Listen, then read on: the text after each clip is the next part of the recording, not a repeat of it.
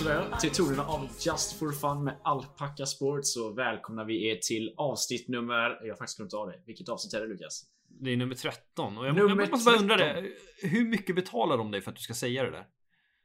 Eh, det kan jag inte gå ut med. Det är en, eh, det är en känslig kontraktssituation det där.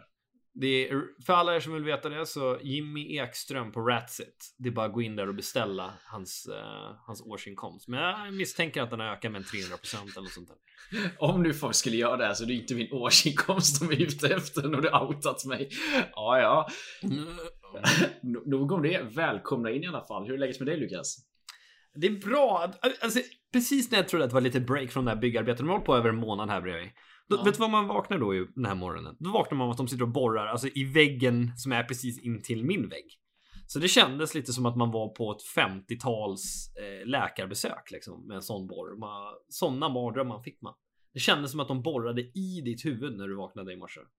Eh, så, så vaknade jag i morse, men det var så soligt ute så det kompenserade det ändå får man säga. Hur är det själv?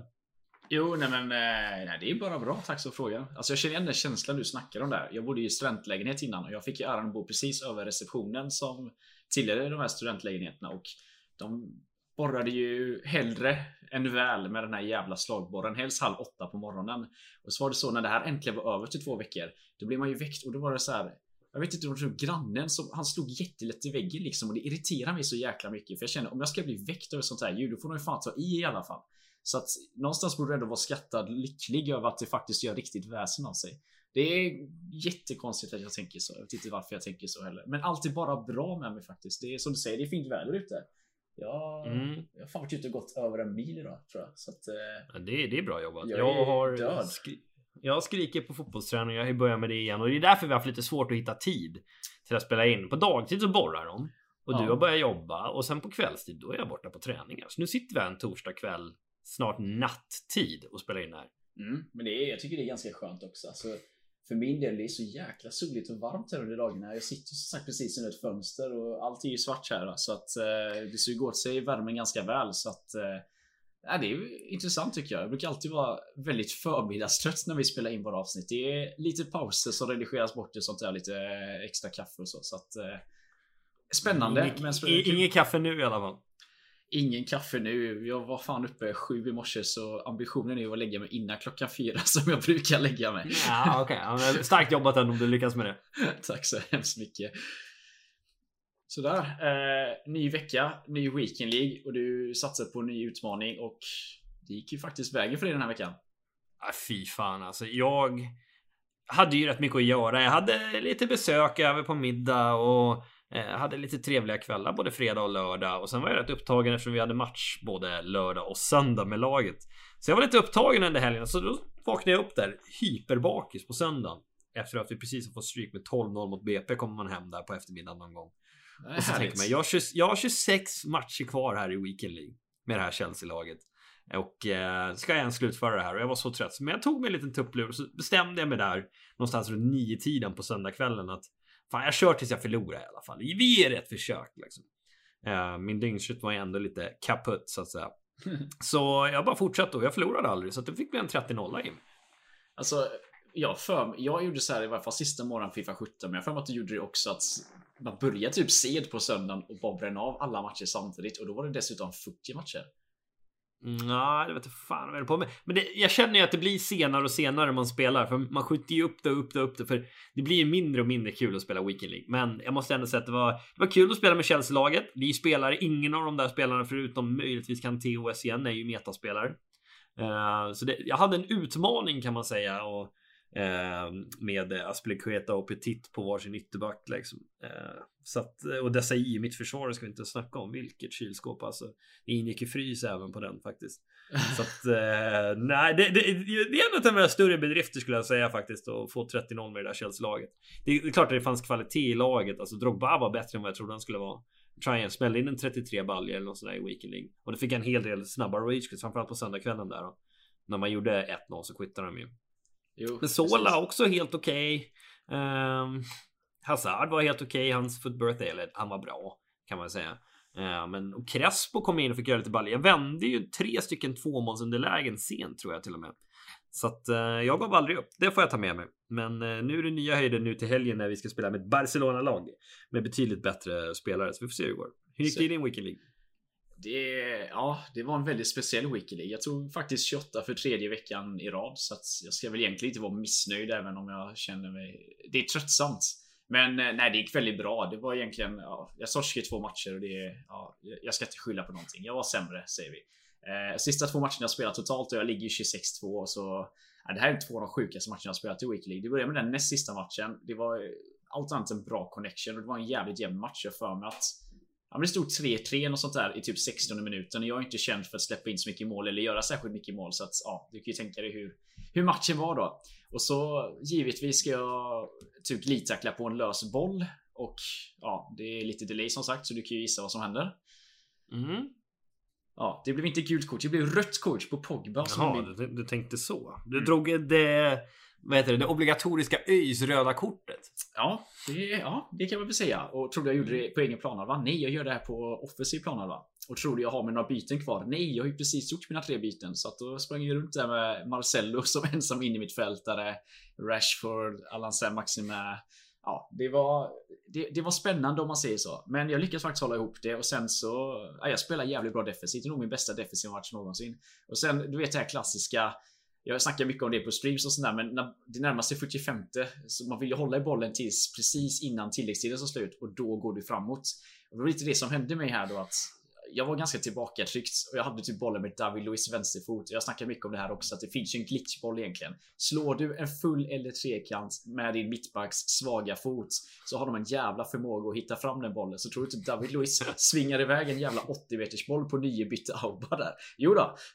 Tror du Auba var först på den? Nej, han var 10 meter bakom motståndars David Luiz, men spelet bestämde sig för att han skulle vinna den ändå. Så badroliga målvakten Lägger in 4-3 och dabbar som aldrig förr. Och det var, jag kände det att det är helt sjukt. Den bollen skulle fan vad underbar vinst. Ja men den här 70 meters bollen liksom. Just att den är fel fot och allting. Jag satt ju på och garvade och så bara ja, det blir lite ett den här veckan också. Och så gick jag in i sista matchen då. Då vart jag riktigt duktig tysk kille. Som givetvis hade serverfördel då. Eh, och han gjorde 1-0, han gjorde 2-1 och han gjorde 3-2. Och jag kvitterade sent liksom alla gånger. Jag tror jag kvitterade 45 89 och typ 118 eller något sånt där liksom. Och jag kände bara så det här är helt sjukt. Och sen gick det till straffar och så missade jag givetvis första två eller något sånt där. Men jag gick faktiskt och segrade där också. Så att det...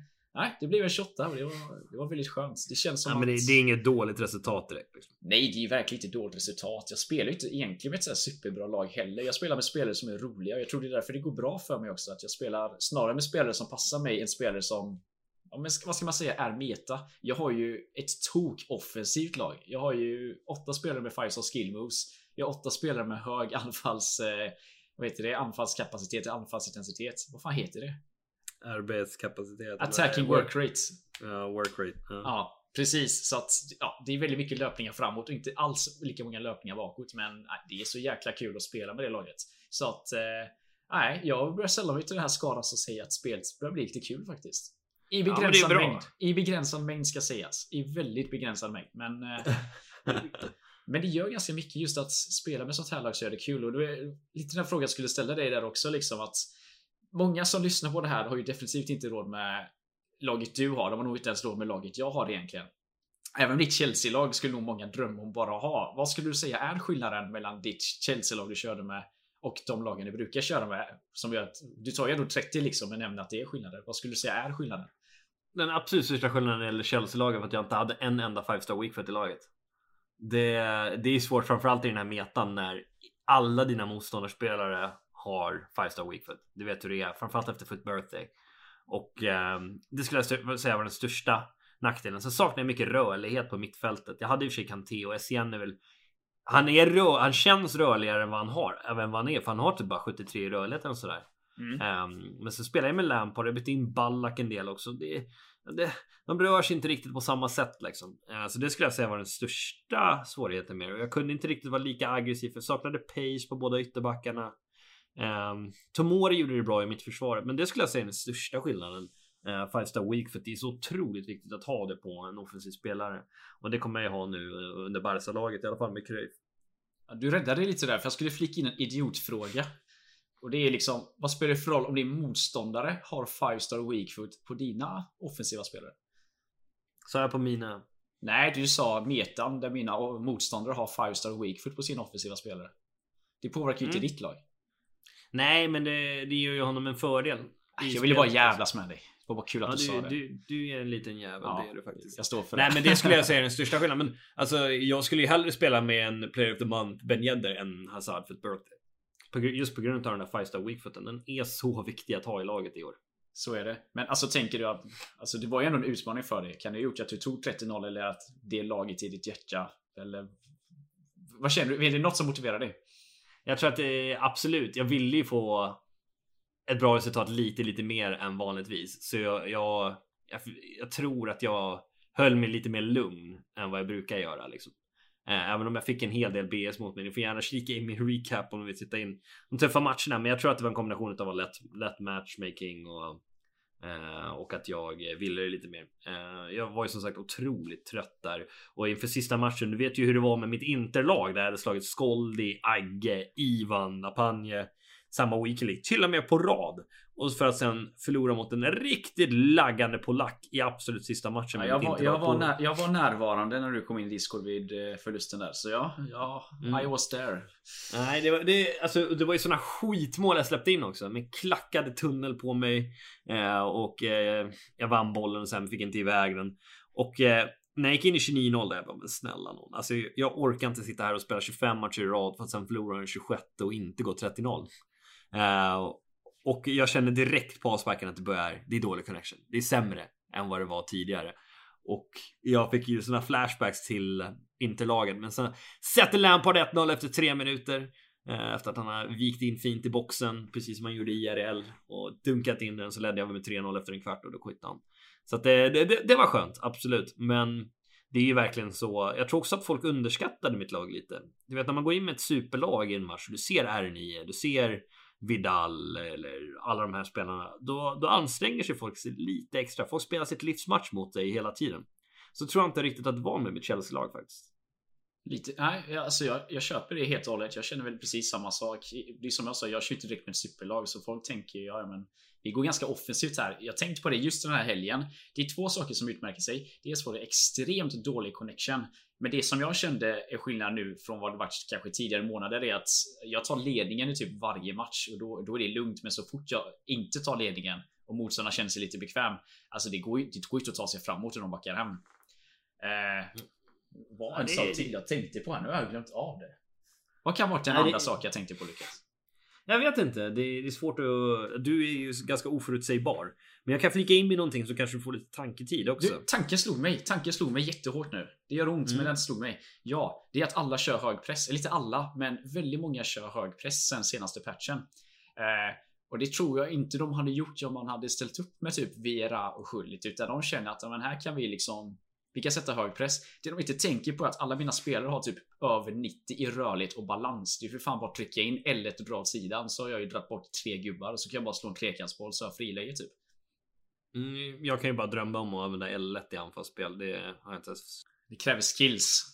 Jag har försökt lite i veckan men alltså nej. Det är, det är för mycket delay för det. Men en grej som jag ska lägga till är, har du märkt någonting sen man börjar se pingen plus Stockholmsservern? Att att eh, du har haft mycket bättre connection i Weekend League än vad du hade under hösten? Nej, mycket sämre. Och helt ärligt, alltså jag har skojat om det här innan men jag känner så helt seriöst. Nu vet jag inte vilken server som är vilken, men den servern som jag har typ 42 ms till känns bra mycket bättre än Stockholmsservern. Nej, alltså, för jag känner verkligen så att jag har haft fullt acceptabel connection. I princip. I alla fall 28 utav 30 matcher sen om jag tar någon där jag har under 20 ms. Ja, när jag har äh... spelat sen, sen man fick se pingen. Så att eh, jag känner att det, det, har varit en otrolig skillnad i mina, i mina resultat faktiskt. Eller inte i mina resultat nödvändigtvis eftersom att jag gjorde det jävligt bra. Jag har ju spelat väldigt, väldigt bra under flera månaders tid nu. Jag känner mig otroligt stark faktiskt på Fifa. Um, så att uh, jag känner att den här pingen den hjälper ju till i alla fall för att spela på den här jävla Frankfurt-servern. Den, uh, det, det, är inte kul alltså. Ja, vissa har ju servern under sängen och vissa bor 60 mil från servern. Så att jag har ja, inte samma lyx. Men vad har du för MS då på Stockholmsservern? Eh, 16 brukar jag ha. Så att det känns, Okej, ju inte, men- det känns inte högt men helt ärligt känns det bättre till den som har 30-40 ms. Ja, men jag, jag brukar lägga på typ 20-22 ungefär. Till Stockholm? Ja. ja. Va? Men jag tror att det är på grund av mitt nät. Att jag har jag har inte fiber vet du. De ska installera det under året. Jag fick faktiskt hem en sån lapp. Men jag har inte fiber hemma. Men det är ju exceptionellt dåligt. Vad fan, jag har sett flera stockholmare som spelar Weekly. De ligger på 4-6 ms typ. Ja, nej, Ja. men så att, alltså jag har ingen jättefördel, men det är fortfarande mycket bättre än att ligga på 40-50 som jag vet att jag har legat på i alla matcher jag torskat under hela året. I princip, i princip alla League matcher jag torskat vet jag att den låg på 40-50 ungefär och jag vet att det var dålig connection i dem. Men det är skönt att kunna visa det nu också. Jag tror att de har glömt en nolla i den. Alltså de har lagt in en funktion som delar alla siffror med 10. Det är bara en Ja, teori jag har. Det är möjligt, det är EA, de skulle kunna göra det faktiskt. Bara, Oj, vi råkar trycka in delat med 10 överallt. Jag hoppas det är lugnt. Samma gäller kring eh, pack probabilities. du, den där är ju så jävla manipulerad som bara... Men jag älskar när det står så här mindre än 1%. Då tänker man så här, ja men det kan ju, det kan ju vara 0,9 liksom. Men det är inte 0,9. Det är 0,0000001 chans att du får den. Ja, och framförallt alla som har läst någon typ av statistik vet ju hur man kan manipulera det där. Alltså det var ju... Vad var det? Det var nominee team of the year typ. Alltså... Vi säger Henderson exempelvis. Alltså 90% av alla som packar en sån nominee packar ju Henderson. Och bara han låg ju bakom den siffran helt på egen hand. Det är samma om du står att du... Ja men du har 2% att packa en 88 plus. Ja men då kommer du få den som är absolut sämst ratad av dessa. Och det tänker man inte på. Du vill ju se liksom... Du vill ju se sannolikheten för varenda spelare. Och så vill du jämföra dem däremellan. Då ser du att det är 10 gånger större chans att packa typ den sämsta spelaren än den näst sämsta spelaren. Så att ja, nej, det, det kan man manipulera ganska väl. Får man ändå ge dem. Det, det är som lotterier och sånt där. Det är en lek med siffror. Jag tycker vi är, lite, vi är inne på någonting väldigt intressant här nu.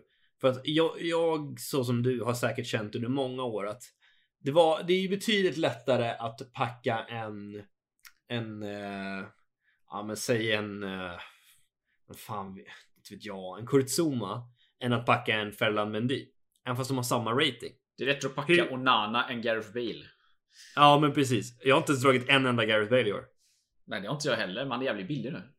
Men Ja, jo, men du, du fattar vad jag. Han var ju inte det i början liksom. Nej, Så att- precis. Eh, hur bestämmer de det där exakt? Vem som... Och det stämmer ju inte att det är lika lätt att få alla med samma rating. Det stämmer ju inte. Nej, nej, nej. Alltså, på Football vet jag att det finns en sån grej. De räknar ju ut hur populära spelarna är. Eller, eller snarare hur många matcher varje spelare gör och hur eh, många som äger spelaren typ. Om de Men hur ska du räkna så- ut det första dagen utan att du har använt spelarna? Nej men jag tror EA har någon sån dynamisk kalkylat som räknar ut det liksom kanske någon gång i timmen och då blir det att ju vanligare den här spelaren är eller något sånt där eller de kanske kollar på priset då blir det svårare att packa den spelaren. Att det, säg till exempel att de, Men du måste ju ha ett grundpris. Var, var börjar du någonstans? Det är en jättebra fråga och det är väl bevis på att de inte har stenkoll på det heller med tanke på att de, vad heter det, ändrar price ranges helt galet emellanåt. Alltså det är bara att kolla Pogba nu när han fick sitt eh, Foot Birthday-kort. Först var det capat till 3 miljoner. Sen capades upp till 4,5 miljoner och sen sjönk det ner till 1,5 miljon då förra helgen med den market crashen. Så att eh, jag tror inte de har stenkoll på det utan de manipulerar det lite grann. Och det är väl just att om vi säger typ att Ferland Medi kostar 15 000 och så har de spelare som kostar 1500 liksom. Då, då räknar de väl ut att Ferland Medi ska packas 1% så många gånger jämfört med den andra spelaren. Eller om du öppnar 100 packs. Ja, men det förstår jag, men du måste ju börja någonstans. Det är ju det jag menar. Ja men de har de, de tänker väl ut vilka spelare som kommer vara populära. Tänker jag. Och de vet ju att Mondi liksom Han är snabb. Han var väldigt bra på förra spelet. Kommer antagligen vara väldigt användbar nu med tanke Ja, men ta en spelare som Lenglet då. Hur ofta har du packat honom då i jämförelse med Onana? Jag tror packat han två gånger faktiskt. på Två tal om- gånger på hela spelet? alltså. Ja, men du fattar. Det var ja. ju inte en spelare som man tittade på innan spelet och bara det där är en metaspelare. Nej, det är ju klart. Men alltså Lenglet är ju fortfarande, alltså, om man kollar mittbackar så kan man ändå räkna ut att om du kollar vanliga guldspelare så kommer Lenglet vara en av de fem mest användbara. Ja, nu ja, men inte från början. Fast är du säker? Om vi bara tänker vanliga guldkort nu så tillhör ju Lenglet, i och med att han är så pass snabb och smidig, så tror jag ändå de ser liksom att om de räknar position för position, för du måste ju ändå ha en på varje position, då ser de att Lenglet kommer nog vara en av de absolut mest användbara. Vilka guldkort ger bättre? Nej, men alltså nej, det, det, det tror jag inte att de kan räkna ut. Det tror jag inte. Inte just Lenglet. Den, den blev, det var en chock för mig faktiskt. Att han blev så pass bra. Jag vet inte exakt vad han ligger på i rörlighet. Men om man tittar på kortet så ser den ju inte fantastisk ut. Liksom. Men om vi gör så här, jag kollar lite snabbt så kan vi se hur hans pris har varit hela tiden. För jag menar, de, de får ju prisindikationer ganska tidigt. Och ser vi här då, alltså i början av spelet så han låg på typ ja, 50-60 gick han upp till ganska tidigt eh, där när uppe på en 100 ett tag. Early Access kom och sen så ja, han gick upp mot 100 ska vi se här 126 som mest och det är liksom mitten av oktober och grejen är att han har ju en stigande kurva. Så jag menar i början så har ju de satts Ja men att han kanske ska, de gissar att han kommer kosta 50-60 tusen då liksom. Någonstans där och så jämför de med ungefär vad alla backar kommer ligga på som kan tänkas användas. För i och med att han är fransos, han spelar i La Liga, han har extremt många liksom bra anslutningar. Det är samma som Umtiti var säkert dyr också, även om han inte är lika bra på spelet. Men då gick hans kurva ner istället. Det jo, finns alltså, många sätt det, det kommer ju alltid finnas någon överraskning. Det, det, är det som är min poäng och det måste du ändå hålla med om. Jo, jo. Och vad heter han? Det fanns en spelare som var svindyr i början som spelar i... Eh, det, det, det, vad heter han? José... Jag glömt av. Han är anfallare i Levante. Morales. José Morales kostar ju... Ja. Han kostar upp mot 15k i början liksom. Och det, ja. och det är också så att de hade ju höjt hans price range ganska snabbt och det är väl för att han var så snabb och teknisk och de visste att det här kommer vara spelare som används mycket. Eller de gissade det i alla fall. Hans pris störtdök ju väldigt, väldigt snabbt dock. Och det kan ju ha att göra med att i och med att EA gjorde det kortet så sällsynt så blev priset mycket högre. Så att på något sätt blir det ändå att de manipulerar priserna. Tror du att det är lättare att packa en Onana än en Fernand Mendy? Uh... Ja, det tror jag. Och det baserar jag på att jag packat Onana typ 10 gånger och Mondi en gång. ja, det är intressant diskussion ändå faktiskt. Uh, kring, kring hur det funkar. För vi har ingen aning. Det går ju bara att spekulera. De kommer aldrig avslöja det här heller liksom. Exakt hur det funkar. Men men.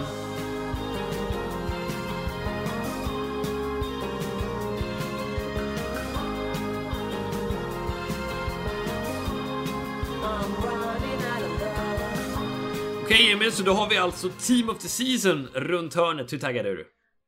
Så jävla otaggad just nu. Ge mig några veckor. Nej. Ja, men eh, man blir just, jag blev rätt chockad när de annonserade det faktiskt. Ja, samtidigt. De var ju tvungna att släppa någonting nu när allting är dött och såna här grejer. Så att eh, jag är inte jättechockad. Sen, jag följer några konton på vet du, Twitter som jag vet inte var de hittar de här läckorna och sånt där. Eller de ser ju vilka kort som läggs till i spelet. Så att jag har väl hört de här ryktena i två veckor nu. Så jag är både förvånad och inte förvånad. Sen, jag har ju knappt koll. Vi snackade om det här innan. Jag tänkte att fan, det är väl den här tiden Team of som brukar komma. Men det är ju uppenbarligen om en månad ska komma egentligen. Så att eh, Ja, nej, de, eh, de behöver hitta på en promo. De räknar väl med att ligorna ska komma igång någon gång i juni igen och då kan de ju fortsätta med de promos som skulle vara nu då. Så att de bara byter plats på det egentligen. Ja, vi har, vilka mer promos är det vi har? Vi har Futtis va? Futtis Carnivals hade vi förra året. Det ja, men den, kom in, den har ju försvunnit. Eh, sen skulle de ju säkert släppa, gissar jag i alla fall. Eller no, du förresten, det är klart de hade släppt Timothy lite tidigare det här året i och med att EM skulle ha spelats egentligen. Tänker jag. Nej, men säsongerna slutar ju ungefär samma tid ändå. Jo, men de vill ju push, antagligen hade de. Jag vet att de inte har licens till riktiga EM turneringar, men antagligen hade de någon extension redo där och i och med att den sket sig. De kanske skulle släppa den redan nu, det vet vi inte.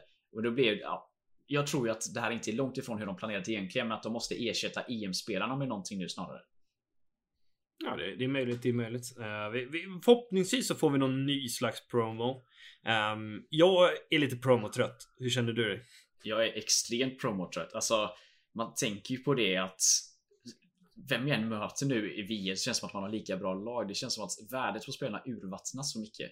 Istället för som typ Fifa 17 då när informkorten var så mycket värda och de var så billiga liksom. Då var det ändå kul att ha en supersub eller bygga ett lite exotiskt lag. Nu ser ju alla på exakt samma lag för att det är bara så kallade metaspelare som kommer hela tiden och alla spelarna är bra. Så att eh, jag är väldigt, väldigt trött på detta.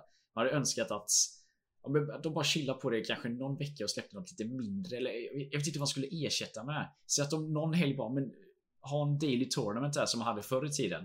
Och så får man någonting därifrån. Jag vet inte hur de skulle lösa det annars, men det har blivit lite inflation nu och det jag är rädd för är hur nästa Fifa och Fifa efter det kommer vara för att de har ju stegat upp det här med promos väldigt, väldigt mycket. Hur ser promos ut på Fifa 22? Får man en promo varannan dag då eller? Ja, jag hoppas inte att vi får det. Alltså, jag tyckte att det blev överdrivet redan på Fifa 19. De har ju fortsatt i samma stil och det känns liksom som att de har tappat sitt värde lite och jag känner i alla fall jag som ändå bara tittar på de här dyra ikonerna eller liknande. Jag känner bara så här, jag har inte ens koll på vilka som har släppts. Jag kollar lite snabbt och sen glömmer jag bort det. Jag känner igen det. Alltså, jag tänker på det själv när jag typ sitter och streamat på om vi bygger lag så frågar någon om en anfallare som kostar 150k. Alltså på Fifa 17 kunde jag fan pinpointa nästan varenda jävla spelare på spelet. Jag har ingen koll längre. Jag har verkligen Nej, precis. ingen ja, koll. men det är, det är verkligen så för det finns för mycket. Jag för mig att det var någon. Det var en kille som är game changer som jag var med i Vancouver. Jag för mig att han slängde upp en sån tweet för några månader sedan. Eller till och med ett år sedan kan det ha varit när vi var i Vancouver. Um, där han jämförde special players mellan Fifa 19 och 17. Mm. Jag tror att det var upp till 1000 special promokort de hade släppt på Fifa 19 och 150 på Fifa 17. Mm. Fattar du skillnaden? Ja, det är ju jätteskillnad och alltså jag köper det. De har ju sagt att de vill satsa på promos och sånt där, men nu har det blivit för mycket och problemet nu blir ju jag vet inte vad jag ska jämföra med riktigt, men nu har ju den gemene spelaren varit van vid promo så att om de minskar detta kommer de få kritik. Samtidigt får de kritik för att de har för mycket, så de har ju liksom satt sig i en jävla rävsax att oavsett vilket håll de går så ja, det kommer ju skita sig nu. Så frågan är hur de tar sig ifrån det. Ja, men jag känner lite så här, vad är promosarna till för? Tjäna pengar. Tjäna pengar och det är det som är så jävla tråkigt. De är inte gjorda för spelarna. Hade, hade de varit gjorda för spelarna så hade de ju släppt Eh, billiga kort som man kan göra i objektivt där du inte behöver lira 15 Rivals matcher på tre dagar eller något annat liksom, utan saker över längre tid liksom. Alltså jag gillar ju de här Milestones Objectives. Släpp sådana. släpp en sån från varje promo. Det hade ju varit någonting. Ännu bättre, alltså jag tänker på det att de tvingar du att köra med olika typer av lag i typ squad battles, men squad battles är ju tråkigast i hela världen. Sen tvingar du att köra det i rivals, men då möter du någon som går in med livet som insats, så det är också tråkigt.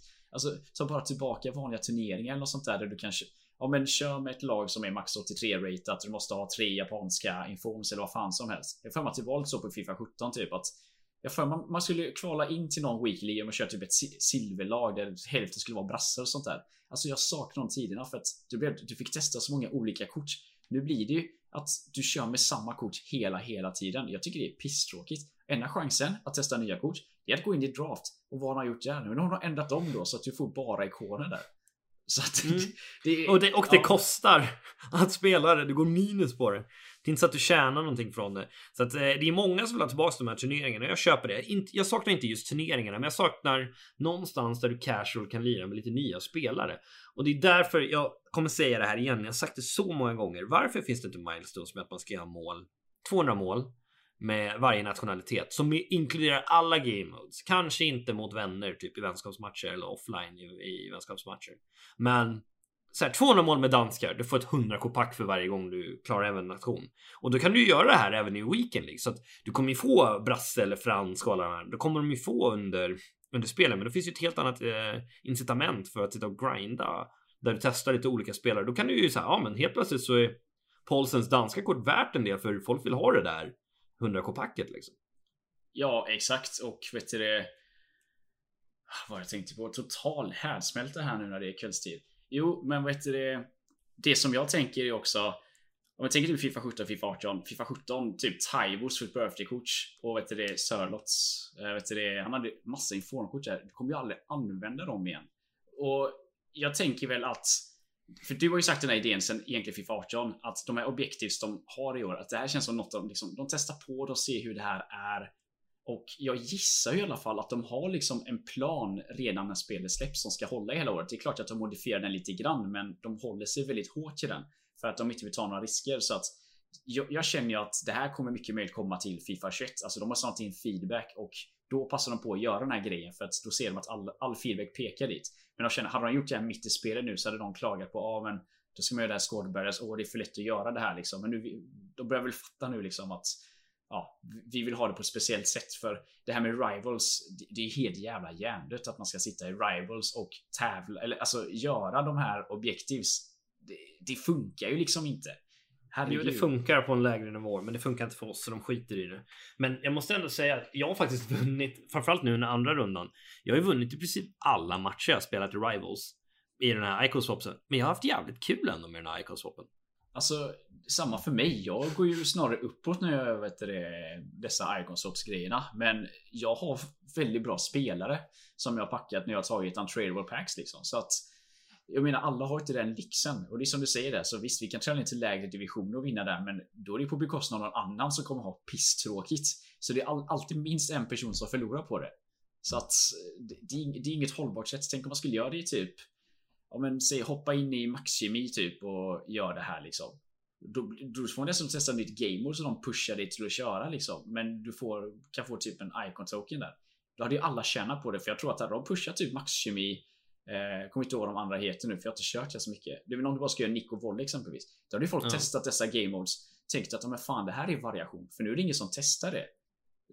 Det hade varit Nej, ett skitbra sätt att pusha det liksom. Så att eh, ja. ja.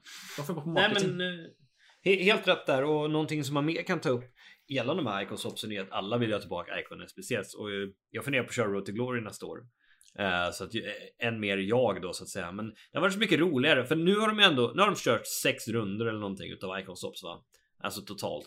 Och det har varit uh. samma challenges varje gång. Du ska göra med ett Premier League-lag, La Liga-lag, Liga-lag. Ja, du fattar. Ja. Det var någon gång de slängde in en massa fransmän liksom.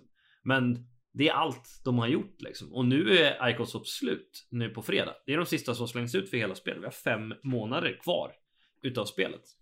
Och de kan alltså inte ens ge oss en Prime Ronaldinho i augusti liksom. Jag tycker det är, tycker det är snålt. Framförallt det jag reagerar på är Alltså om du kollar vad du kan få i dessa icon swaps Alltså givet nu att du tar många tokens Alltså hur många lag platsar de här spelarna i? Alltså jag tittar på det, det, det är Carlos Alberto typ Garincha funkar väl eh, Cannavaro är ju definitivt en endgame-spelare Men det är inte så många andra som är det alltså. Alltså jag kan garantera att Jag ska inte slänga mig med siffror egentligen Det är det är inte min grej egentligen, men jag kan garantera att över 50% av det här IK-packet alltså. Det är för att det är det enda du egentligen har något att tjäna på. Det kanske är 4-5 spelare som går in i ditt lag, men det är enda chansen att få in någonting som går in i ditt lag typ. Är, ja, men, ja, men precis. Ja. Men ska du verkligen? Det är det som är grejen. Det är det jag saknar med FUT. Att det inte bara handlar om ditt lag, utan att du har flera olika lag och du har flera olika trupper och du har en klubb med massa olika spelare. Um, det var ju så jag hade det på Fifa 17 till exempel. Jag köpte ju in bara massa olika lag. Blandade det här med alla de här mantrikorten som man fick. Så man satt och spelade med så här, ja, hela engelsk lag. Så hade man Darren Bent och Agola Warford Birthday där framför. De kostade 20 kostar Men de var ändå fullt spelbara även i Weekend League liksom. Och det är det här jag saknar med FUT. Att det inte bara handlar om ditt första, första lag. Man måste gå tillbaka lite till basics. Hur funkade FUT? När alla uppskattade det på 15, 16, eh, liksom eh, 17. Jag skulle säga att de tre var de gyllene åren för futten då. Och då, då hade man olika lag. Du grindade säsonger, du provade nya spelare, du hade flera olika lag. Så att du inte tröttnar, för nu sitter alla och spelar med samma spelare i flera månader i sträck. Bara för att de hoppas kunna till slut ha råd med just den där prime-ikonen som de vill ha. Och så slänger de sitt sista hopp in i den här ikonen speciellt och drar Nakata liksom. Och alla spelar samma hjärndöda taktik också. Det är liksom inte ens en varians i det för det är ingen som uppmuntras till det. Ja, nej, det, det är mycket som är monotont. Vet du vem mm. JCC Pro Clubs är? Det är en YouTuber från England. Nej. Nej, eh, ja, du hör ju på namnet. Han håller ju framförallt på med Pro Clubs, men han har ju tröttnat lite på det gamework nu så han, han släppte jag kommer inte ihåg vad den första videon var som han släppte. Men han släppte en till video efter det och han förklarar typ med hans teori om varför Fifa 20 är så tråkigt. Och det är en jävligt sevärd film, så den kan jag faktiskt rekommendera. För han går in liksom på detaljnivå. Vad, vad, han tror har gjort att spelet har sjunkit i popularitet från Fifa 17 till Fifa 20. Och då snackar jag inte gameplay, utan snackar just det här med att det blivit en tävlingsmiljö liksom. Att jo, men jag tror jag sett det. Och det är samma, han, han drar ju en parallell nu till de stora skjutspelen som finns. Fortnite var ju de första som började med skill-based matchmaking. Apex gjorde likadant, fast där är det ändå frivilligt. COD gör likadant nu. Och de är rädda att Valorant kommer gå åt samma håll. Och det är just att du möter folk som har ungefär liknande skicklighetsnivå. Vilket gör att ja, alla kommer göra sitt bästa. Det är, jämn nivå leder ju till väldigt svettigt och det gör att Ibland vill man ju bara spela ett spel för att slappna av. Du vill, du vill ju visserligen vinna men du vill ju bara slappna av lite. Och det är, det är så många spel som går ifrån det och Fifa är ju verkligen ett sånt spel. Jag kan gå in i en draft liksom. Där kan jag tycka att ja men gött, där kan jag slappna av lite men Alltså i ärlighetens namn, man förlorar kanske en av 40 matcher där. Om ens det. Så ja, att... nej, men, nej, men, precis. Och det är ju verkligen det vi har tappat. Och det de hoppades var att folk skulle börja spela de här vänskapsmatcherna. Problemet är att de har ju bara lämnat det spelläget för att dö. Jag satt och sökte här i morse på att hitta så här vänskapsmatcher. Jag sökte alla kategorier samtidigt. Ja. Och det tog liksom ett tag innan man fick en match och då var det liksom med 60 ping liksom. Så att det, de har ju verkligen liksom, de har ju dödat allting förutom Rivals och Weekend League. Och även Weekend tror jag behöver reformeras om. Alltså, få, det behöver kunna spelas på ett annat sätt liksom. Ja, det känns som att det behöver förlängas med en dag. För att de flesta ska ha chans och framförallt behöver det vara fler matcher för att uppenbarligen så är det, det är så lite som skiljer. En förlust är att du missat topp 100 liksom. Det är... Du, är, just nu på Playstation så kommer du inte ens topp 100 med 30. Nej, du måste spela jättetidigt på fredagen för att överhuvudtaget ha en chans då. Då är det ju jättemånga bra som spelar nu så att du kan lika väl få en riktigt bra spelare första fem matcherna. Då är det antingen du eller den personen som ja, förlorar en tidig match. Mm. Eh, och jag snackade ju det, det var ganska tidigt när vi började med podden, men just det här med Rivals. Att man vill typ spela vänskapsmatcher men du känner dig tvingad att köra Rivals för att Rivals är ett av få sätt att faktiskt tjäna coins på det här spelet med tanke på att du inte får så mycket i packs i Weekly och sånt där. Så Rivals, kör du inte Rivals så liksom, det är ju på bekostnad av att du kan uppgradera ditt lag. Vänskapsmatcher får du ju ingenting. Så du kanske hellre spelar vänskapsmatcher men du blir någonstans tvingad till det och det tror jag påverkar också att du kanske söker vänskapsmatcher där men om någon går in och spelar foot och inte möter en kompis så sätter de sig och kör typ nick och volley. Då sätter de sig och spelar rivals för att då tjänar de någonting på det. Ja men det är så, det känns som bara slöseri på tid att spela vänskapsmatcher. Och det är, det är därför de behöver ha fler och jag tror precis som du säger att de Det här är ett litet testår när det gäller objectives. Men kan de inte bara slänga in en miljard objectives? som man bara klarar du vet så här av rena farten och sen så kan man liksom kolla igenom exakt vad det är. De här ska inte ens vara tidsbegränsade utan långa milestone objectives.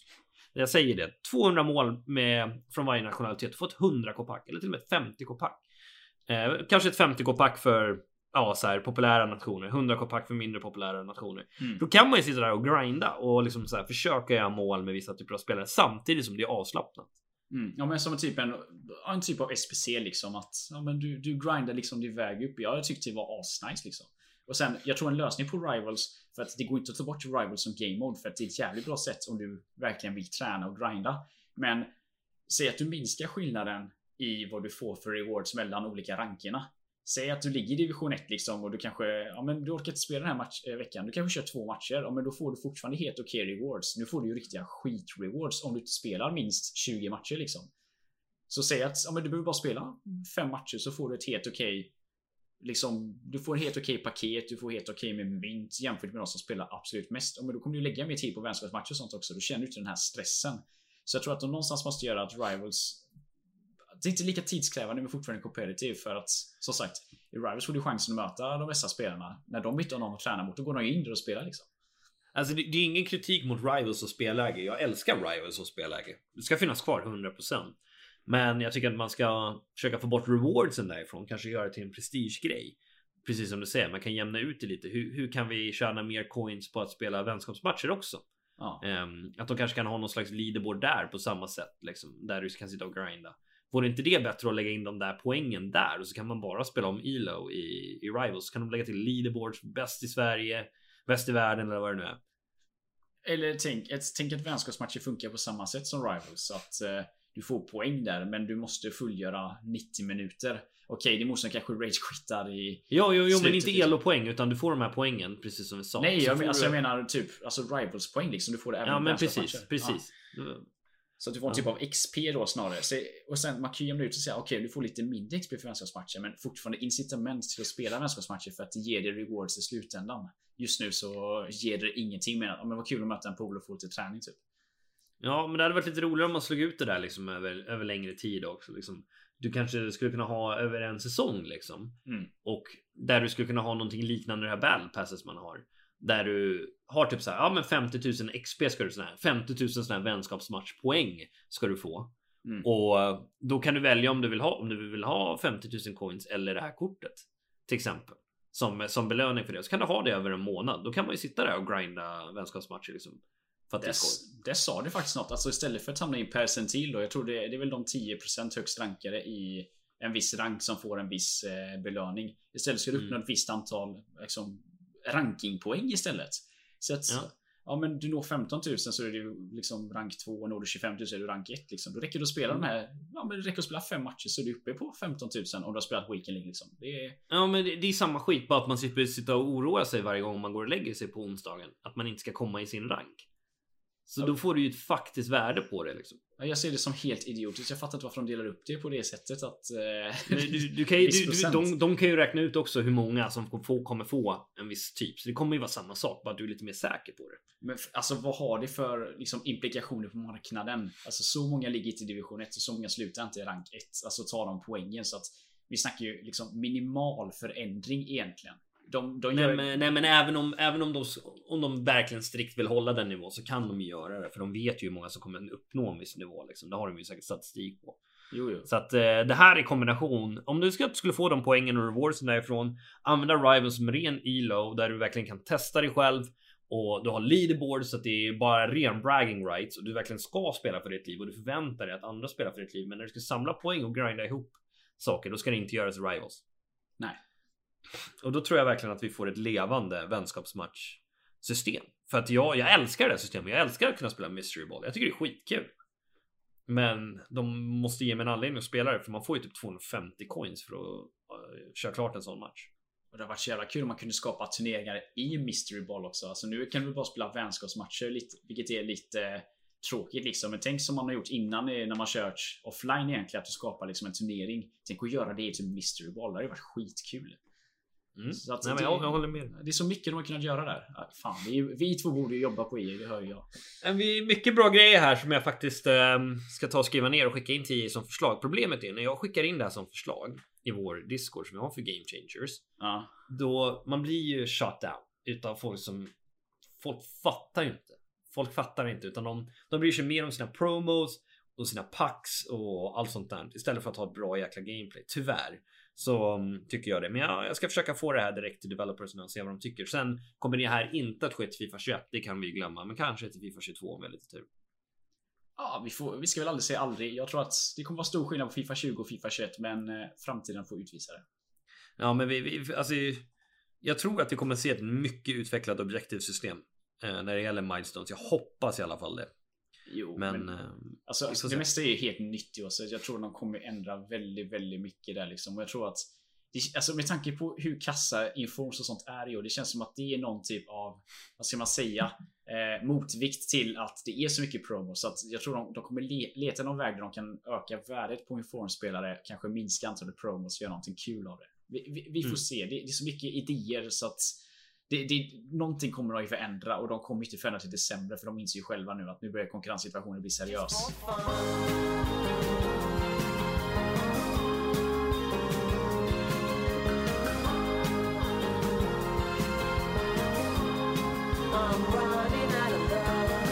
Men tillbaka till Team of Season då, där vi började.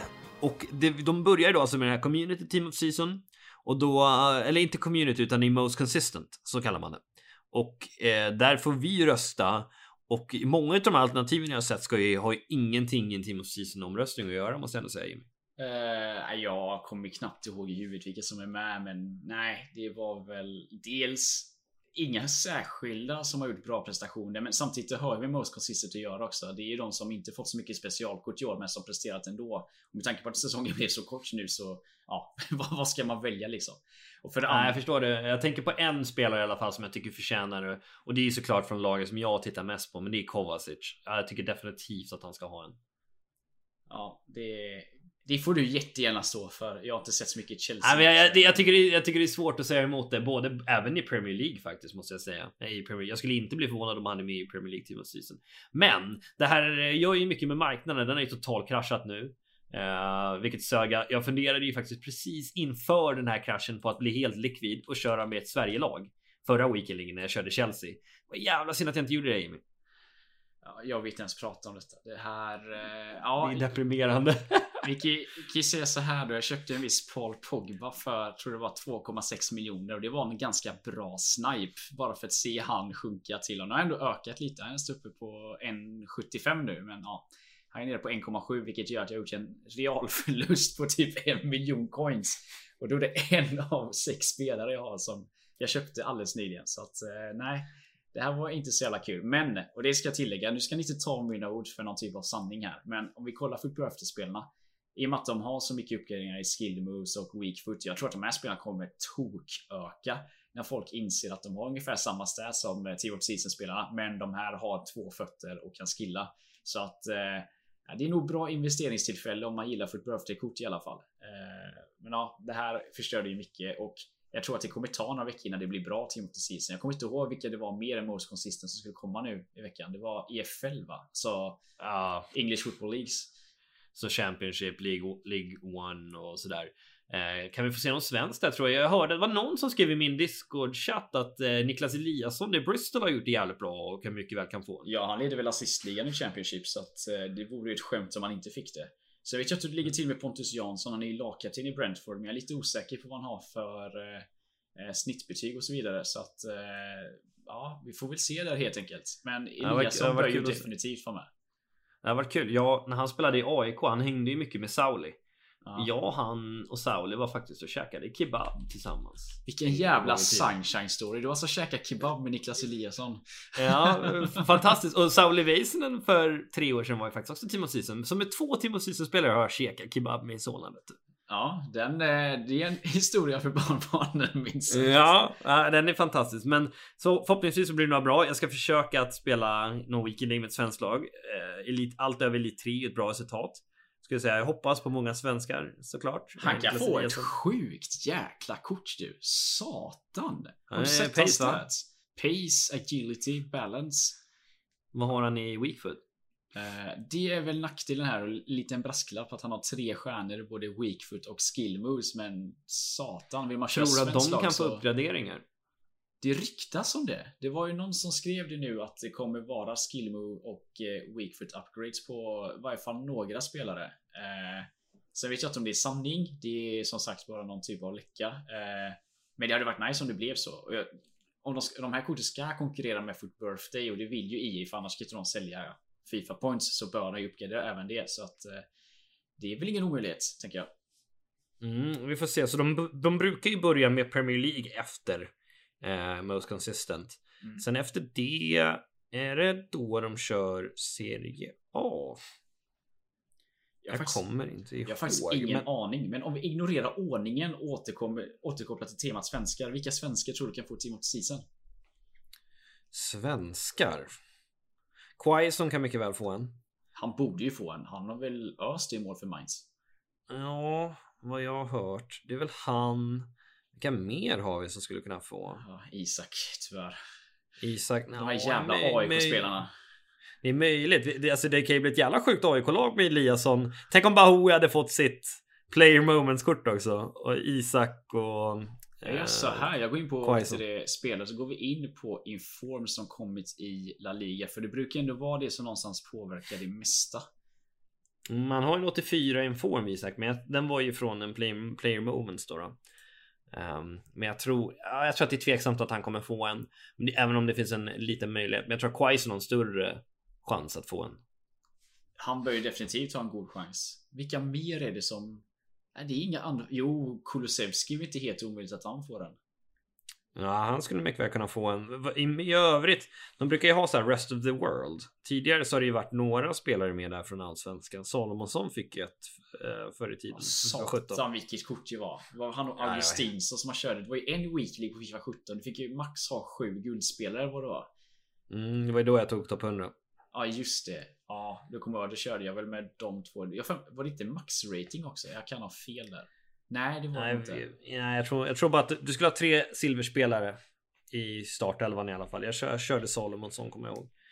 Ehm, Och sen hade vi. Saman Ghoddos också innan han fick för sig att byta nationalitet då. Han hade ju också ett ruggigt kort på FIFA 17.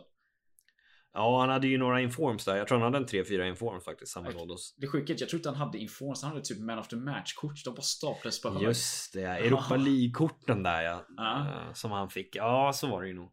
Så att eh, han, han var ju ruggigt, ruggigt bra. Men jag vet inte riktigt. Finns det någon från Allsvenskan som skulle kunna få ett? Jag har så dålig koll på allsvenskan. Det skulle vara Marcus Danielsson i så fall. Men han spelar ju en kinesisk klubb nu så att det lär ju skita sig rätt hårt. Där. Ja, i Annars övrigt. Jag kan, jag kan inte tänka mig någon. Kanske någon Hammarbyare. Möjligtvis. Alltså det, jag kollar nu. Det är liksom inte ens informkort att snacka om här. Det är... Vad ska vi säga? Det är två spelare som fått inform. Det är Goitom och det är Vladimir Rodic. Och sen fick Buya Turay ett hero card. Så att nej, jag har svårt att se att en allsvensk spelare skulle vara närheten här faktiskt. Mm, vi får väl se helt enkelt. Men eh, det är tråkigt. Men några svenskar har vi lite hopp om ändå. Kanske man kan spela med ett svenskt lag. Mm, det hade varit någonting. Eh, vi, får, vi får lösa något sånt där. Men de har ju ett bättre grundlag än vad de hade för några år sedan när jag spelade. Så att eh, det borde ju kunna gå. Alltså Isak är ju bättre än Berg liksom. Ja, så det är inte anfallsfronten som jag har varit rädd för. Det är väl snarare de där fyra eller de fem där bak som inte ser helt stabila ut. Ja, men på den tiden så spelade jag med Pontus Jansson. Förvisso team of season, men jag tror att han hade 69 i pace. Och vem hade jag med? Per, per Karlsson tror jag att jag hade i backlinjen bredvid honom. Nu har du ju ändå Lindelöf och släng på ett skuggkort på honom. Han är inte helt jävla komplett värdelös. Han är inte helt urusel, men han är ju fortfarande... Han kommer Nice. bli... Ja, R9 kommer ju springa cirklar runt honom. Så att... Ja, du, eh, menar, du menar det alltså? Ja, jag tror det. Annars... Nej, det, det är väl Rasmus Lindqvist i så fall som sticker ut för att han är så jävla snabb. Mm, honom får det nog bli på vänsterbacken faktiskt. Mm. Annars så... Ja, det är inte mycket... Det är inte mycket att skryta med där. Felix Beijmo har ju också ganska mycket pace och är ganska lång. Men annars... Ja, det är ju knappt någon som är över 80 pace liksom. Och det är väl det jag är lite orolig för att det går inte att köra med ett svenskt lag och sen målvaktspositionen. Nu har vi gått Ja, men där får man ju slänga in Yashin eller någonting. men det är ju fusk. Ja, men jag spelar faktiskt med Manuel Neuer i mål off cam på den tiden. Men var, man vill ju inte förlora en match bara på grund av sin målvakt. Liksom. Så den, den köper jag. Där får du fuska. Nordfeldt har faktiskt ett informkort från... Ja, 79, va? Jajamän. Ja. Han kanske får Nej. en Rest of the World då? Nej, turkiska ligan kanske har sin egna. Eh, det är möjligt. Eh, Just det, så, så var det ju förut. De kör ju de stora ligorna under fredagar och sen kör de de mindre ligorna från tisdagar. Exakt. Så körde de ja. Ja, ja. Nej, vi får se vad som händer helt enkelt. Men förhoppningsvis så får vi så många svenskar som möjligt. Ja, det hoppas jag med. Ja, det blev lite längre snack än vad jag trodde det skulle bli ändå Jimmy. Ja, vi kör ett kort avsnitt idag hörde jag innan där och eh, typ 10 minuter innan var vad fan ska vi prata om? Jag tycker det ja, nej, vi hade problem att hålla oss korta idag med så att eh, det är bara kul och jag hoppas ni uppskattar det också ni som lyssnar på detta. Mm, vi siktar på att bli lite mer konsekventa i att släppa våra avsnitt. Men nu fick ni två avsnitt den här veckan och det får vi väl hurra för.